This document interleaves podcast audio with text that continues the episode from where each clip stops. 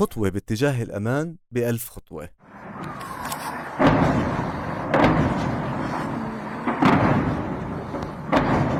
بهاي الخطوات بتبدأ قصة. قصة فتاة أو شاب أو يمكن عائلة خرجت وتركت ذكرياتها. تركت كل شيء بتملكه وأخذت بس ما يثبت إنها تنتمي لهذا المكان. عن رحلة الموت أو رحلة الحياة إنك تمشي على أقدامك لكيلومترات لا تنتهي.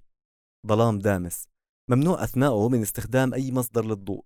الأطفال نيام بمفعول شراب مخصص للنوم حتى لا يزعجوا أشخاص مجاورين. إنك تمشي ببطء وخوف وصمت وحرص لتوصل لبر الأمان. هاي الرواية اللي اتفق عليها كل من هجر من بيته في سوريا ووصل للحدود الأردنية بأمان. وصف اتفق على تسميته برحلة الموت. بيتطابق تماما مع كافة الناجين من هاي الرحلة.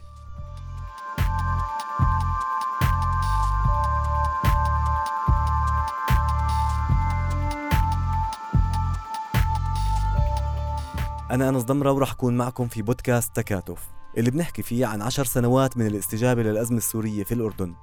هالبلد اللي استضافت مئات الألاف من السوريين رغم موارده المحدودة. رح نسمع أصوات اللاجئين ورح نسمع كمان عن الخدمات اللي بتوفرها المنظمات الدولية والدول الداعمة مثل الاتحاد الأوروبي اللي أنفق مئات الملايين للاستجابة للأزمة السورية بما في ذلك المجتمعات المحلية.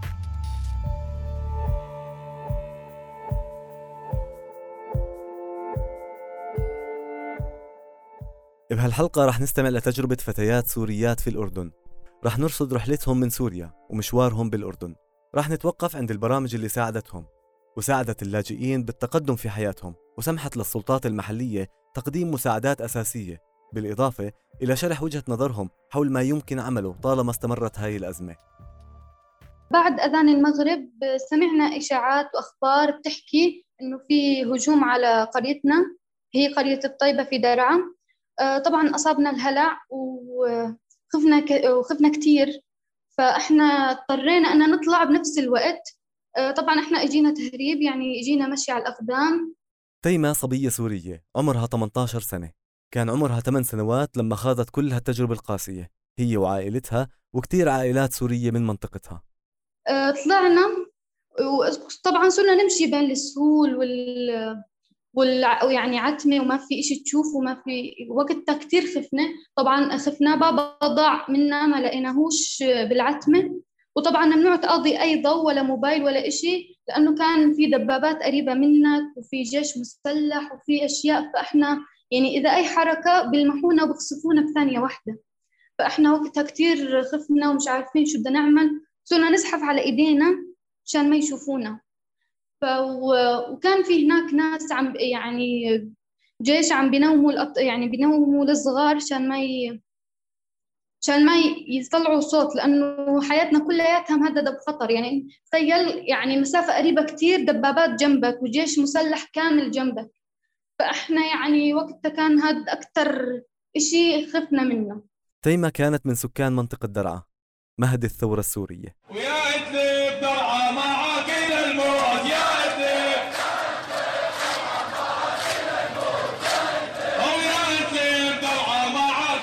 هلأ بلش عند الحاجز الثاني يطلع لنا ناس مثلا يحكوا يحكوا إنهم عصابات مسلحة آه، صاروا يحكوا لنا مين سمح لكم تدخلوا بهذا الطريق؟ ارجعوا. مي صبية عشرينية ثانية. كان في سيارة عم تنقلها مع عائلتها من الشام لمحافظة درعا. لتوصل بعدها للحدود الأردنية. بس بأجواء مثل الحرب حتى بالسيارة أنت مش بمأمن من الخطر سواء من الجيش أو من الجماعات المسلحة. تحكي لنا مي عن اللحظة الفاصلة اللي نجت هي وعائلتها فيها من الموت؟ الشوفير بهذا الوقت قرر إنه يدخل بطرق فرعية مش نظامية يعني هي إحنا بنحكي لها طرق ترابية. دخل بطريق آه وإحنا بنص الطريق بتذكر قاعدة أنا وإخواتي وأمي وأبي وإح... آه لا بدون أبي. أمي وإخواتي قاعدين كلياتنا بلحظة هيك آه، آه، ماما آه، طلعت للخلف. ولا في خلفنا سيارة نزل منها ناس ملثمين لابسين أسود مسلحين وعم يوجهوا كل أسلحتهم على الباص اللي إحنا فيه. لأنه إحنا مش ماشيين على النظام على الشارع على الشارع النظامي. فتنا بهاي الطرق لحتى نقدر نوصل. طبعا هذا الحكي كان الساعة 8 الصبح والطريق من من الشام لدرعا بياخذ معنا ساعة. آه بهي اللحظة أمي صارت تصرخ وتنادي للشوفير إنه وقف رح يطلقوا النار علينا. لحظة واحدة كانت بين إطلاق النار على الباص إحنا وكل الناس اللي كنا موجودين. آه صراحة كأنه الموقف قدامي يعني قاعدة بحكي وهيك أشعر بدني. بعد رحلة شاقة تستغرق أيام وصلت تيماء الحدود الأردنية. الجيش الأردني كان هناك باستقبال اللاجئين اللي بوصلوا. من خلال ترتيبات عسكرية وأممية. بتخبرنا تيماء عن لحظات الوصول الأولى. بس وصلنا للأردن للحدود الأردنية. استقبلنا الجيش الأردني بكل حب. وأحلى كلمة يعني قالها لحد الآن ما بنساها لأنها مزروعة فيا وهي يعني سبب سعادتي. لما حكى لنا أنتم بأمان يعني وقتها ماما صارت تبكي. وإحنا يعني أنتم بأمان كانت كلمة عظيمة بالنسبة لنا فبس حكى لنا الجيش الأردني أنتم بأمان. وقتها كانت أسعد لحظة عشتها بهداك الوقت. رحلة الموت اللي مرت فيها مي وتيماء وكل خطوة مشوها مع عائلاتهم بنص الخوف والعتمة كانت بمثابة خطوات جديدة لحياة جديدة ومختلفة بفرصها وتحدياتها. هالتحديات اللي بتبدأ بحدود صحراوية والإقامة بمخيم ببنية تحتية بدائية بهداك الوقت. بتخبرنا تيمة عن إقامتها بمخيم الزعتري وعن حياتها الجديدة في الأردن. عشنا في المخيم في خيمة واحدة مدة تقريبا شهرين. طبعا إحنا ما معناش كان مصاري ما معنا إشي نهائي أكل ما معنا نأكل. فهم طبعا قدموا لنا الجيش الأردني أكل وخيمة وإشي تنامي عليه. بس إحنا للأسف المي الوسطى اللي كانت هناك صابنا التهاب كبد أنا وخواتي كلهم فاضطرينا أن نطلع على الأردن. طبعا ما معناش مصاري لهيك دار جدي هم اللي تكلفوا فينا وهم اللي استقبلونا في بيتهم. بالوقت اللي وصلت فيه تيماء مخيم الزعتري كان في بدايات إنشائه. كان الهدف في حينها هو منطقة آمنة تجمع اللاجئين وخيام بتقويهم من حر تموز في 2012 الحكومة الأردنية ما كانت تتخيل أنه الأزمة تطول لعشر سنوات ولا حتى المنظمات الدولية. كان الهدف في حينها تأمين اللاجئين بأساسيات الحياة الرئيسية لحين انفراج الأزمة في سوريا. اليوم شكل مخيم الزعتري هو إيجابي على كيف حال سوريا. التطور اللي شهده المخيم في بناء مدارس ومستشفيات وأسواق وبنية تحتية جيدة. كل هاي الأشياء هي إجابة على أنه الأوضاع الأمنية في سوريا لا زالت غير آمنة حتى الآن لتأمين عودة طوعية للاجئين. ولهيك بدأت المنظمات بتوسعة مشروعاتها إلى خارج المخيم حتى لدعم وتمكين السوريين وهذا من خلال مجموعة مشاريع وبرامج عدد كبير من السوريين استفادوا من برامج الإغاثة المقدمة سواء عبر المساعدات المالية أو الإغاثية أو توفير المأوى أو الرعاية الصحية أو الوصول إلى التعليم عبر مشاريع دعمها الاتحاد الأوروبي من خلال منظمات إغاثية.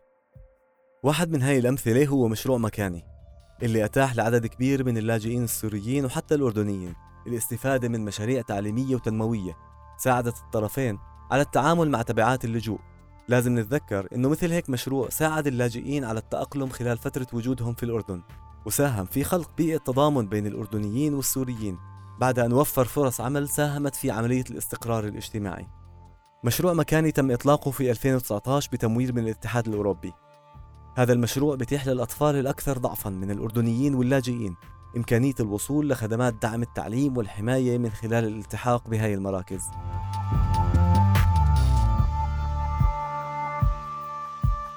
تيماء هي أحد العاملين في مشروع مكاني. بتخبرنا عن دوافعها للعمل بالمشروع باعتبارها بتشتغل كمستشارة اجتماعية في مكاني. يعني بالنهاية في كل حياة في نقطة تحول وأنا نقطة التحول بحياتي هم مشروع مكاني. اللي بيخليني أشوف الإيجابية بكل مكان يعني فالإيجابية في كل مكان. فهذا الإشي بيشجعني إني أسعى ورا حلمي. فأنا كثير بحب مساعدة الناس يعني بكفي الأردنيين هون كيف ساعدونا كيف آه، المساعدات اللي أعطونا إياها. فأنا كمان بدي أساعد الناس مثل ما ساعدوني لأني أنا شعر بهذا الشعور. عارف كيف شعورهم لما حد يساعد لما حد يساعدك. فهذا بيكون إشي إيجابي لكل الأطفال. فأنا كمان بدي أكون إيجابية للناس. ومي كمان جزء من هالبرنامج اللي يعد أيضا نقطة تحول في حياتها بالنسبة لمي مثلها مثل كثير من الشباب والشابات اللاجئين. إنه الشخص يكون منتج ويساعد مجتمعه وعائلته أمر كثير مهم وبساعدهم على الشعور بالفخر والاعتزاز بنفسهم خاصة في مثل هيك أوقات صعبة. زادت خبرتي بالتعامل مع الأطفال. طبعا أنا طبيعة دراستي آه، مختلفة تماما عن المجال اللي اشتغلت فيه. بس دورات التدريبات الأشياء اللي أنا اكتسبتها بمشروع مكاني هي اللي قوتني خلت عندي خبرة بالتعامل مع جميع الأطفال. هلأ في عنا أطفال مهمشين في أطفال تعرضوا لعنف في أطفال تعرضوا لهاي الحروب عندهم خوف. فأنا صار عندي خبرة كيف أتعامل مع هذا الطفل كيف أعرف هذا الطفل إذا عنده آثار آه، يعني يعني مرق سنوات أحيانا وبعض الأطفال اللي كانوا يجوا لعنا يخافوا من آه، من الأصوات نتيجة أصوات كانوا يسمعوها بسوريا.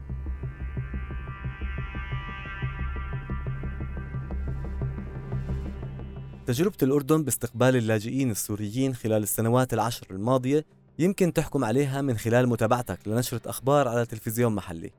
بالأردن مش سهل تسمع بنشرة الأخبار خطاب كراهية ضد اللاجئين السوريين أو حتى تنمر من قبل ضيوف برنامج حواري. بالغالب لو أنهيت جولتك على القنوات المحلية راح تستمع لحوار ودود يمكن أنه يذكر اللاجئين كضحايا أو يدعو لمساندتهم ويركز على حفاوة الشعب الأردني المضياف.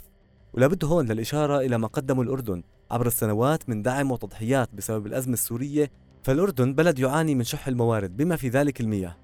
ولا ننسى حجم البطالة اللي لا زال أحد أهم التحديات. وعلى الرغم من هيك قدم اللي بيقدر عليه. الدكتور يوسف منصور وهو خبير اقتصاد ووزير اقتصاد سابق بيحكي لنا عن التجربة الأردنية في استضافة اللاجئين السوريين. هم يعني حصلوا على الحماية والأمن اللي بتمتع فيه الأردنيين. يعني بضل الشعب الأردني بحكم طبيعته بحكم نسيجه بحكم هو شعب بضل مضياف. وسمحنا أنه يدخلوا بالمدارس وسمحنا بالتعليم آه التعليم والصحة. على الرغم من أن الأردن يعاني من وضع اقتصادي سيء إلا أن وصول اللاجئين السوريين اعتبروا الكثير من أصحاب العمل وخبراء نقطة إيجابية لأنه جابوا معهم مهارات أثرت سوق العمل. الأردن من الدول القليلة اللي قوننت عمل اللاجئين من خلال إصدار تصاريح عمل رسمية لتنظيم سوق العمل وتسهيل الاندماج فيه وضمان عدم استغلالهم للعمل بأجر أقل. إذا عندك ناس مجموعة بتستهلك ب 10 دنانير باليوم 300 واحد. تصور لما يصيروا يستهلكوا ب 50 دينار باليوم شو بصير؟ ما بيو... ما بيخلقوا شغل، ما بيخلقوا فرص عمل، الشطارة إنك تخليهم يشتغلوا بسرعة. الشطارة تمكنهم يدخلوا سوق العمل. لما بيجي بيفتح معك مصلحة واحد آه، نجار ممتاز من حلب أو من دمشق أو من ليش لا؟ يعني إحنا صناعة الخزف، صناعة الخشب المطعم بالصدف طول الوقت. كنا نستورد من سوريا. لما بيجينا الساح نستورد من سوريا ونبيع. نبيعه إيش؟ صندوق مصنع من سوريا. آه، شطرنج جهاز شطرنج مصنع من سوريا. هلا صار ممكن عندي أنا أصنعه هون. صار عندي إمكانية أصنعه هون. ليش ما تنمي الصناعات هاي؟ ليش ما تنمي الصناعات الحرفية؟ يعني بنظريات اقتصادية. ما دام إجاني كتلة مواهب وكتلة بشرية سواء إنتاجية واستهلاكية وفكرية ومادية أيضا. يجب استغلالها.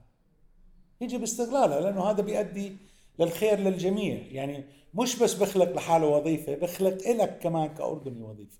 حتى الآن قرابة الخمسين ألف لاجئ سوري حصل على تصريح عمل في الأردن. الحكومة الأردنية سمحت للاجئين بالخروج من المخيمات لغايات العمل والعودة بتصاريح يومية فعالة. كل هالإجراءات كان هدفها تعزيز استقلالية اللاجئين. ومحاولة وقف الاعتماد على المنظمات الإغاثية في ظل تحديات التمويل العالمية اللي بتواجهها.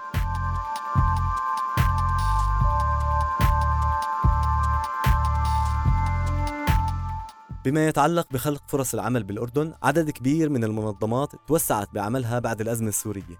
وكمان انولدت مؤسسات ومنظمات جديدة. معظم الموظفين فيها هم من الأردنيين بفعل قانون العمل اللي بحدد نسبة تشغيل الأجانب. كمان الأردن تلقى مساعدات مالية سواء على شكل مشاريع أو دعم مباشر للخزينة خلال السنوات العشر الماضية. بلغت قيمة المساعدات من الاتحاد الأوروبي 2.1 مليار يورو. توزعت كمساعدات إنسانية وتنموية ومالية من بداية الأزمة السورية.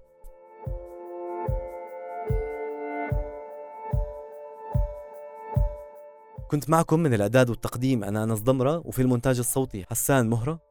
استمعوا لباقي حلقات تكاتف اللي راح نتناول فيها قضايا مختلفة متعلقة باللاجئين السوريين وتجربتهم خلال السنوات العشر الماضية في الأردن في قطاعات البيئة والتعليم والصحة بالإضافة إلى تمكين المرأة. أنتج بودكاست تكاتف بالتعاون مع الصندوق الاستئماني الأوروبي للاستجابة للأزمة السورية مدد.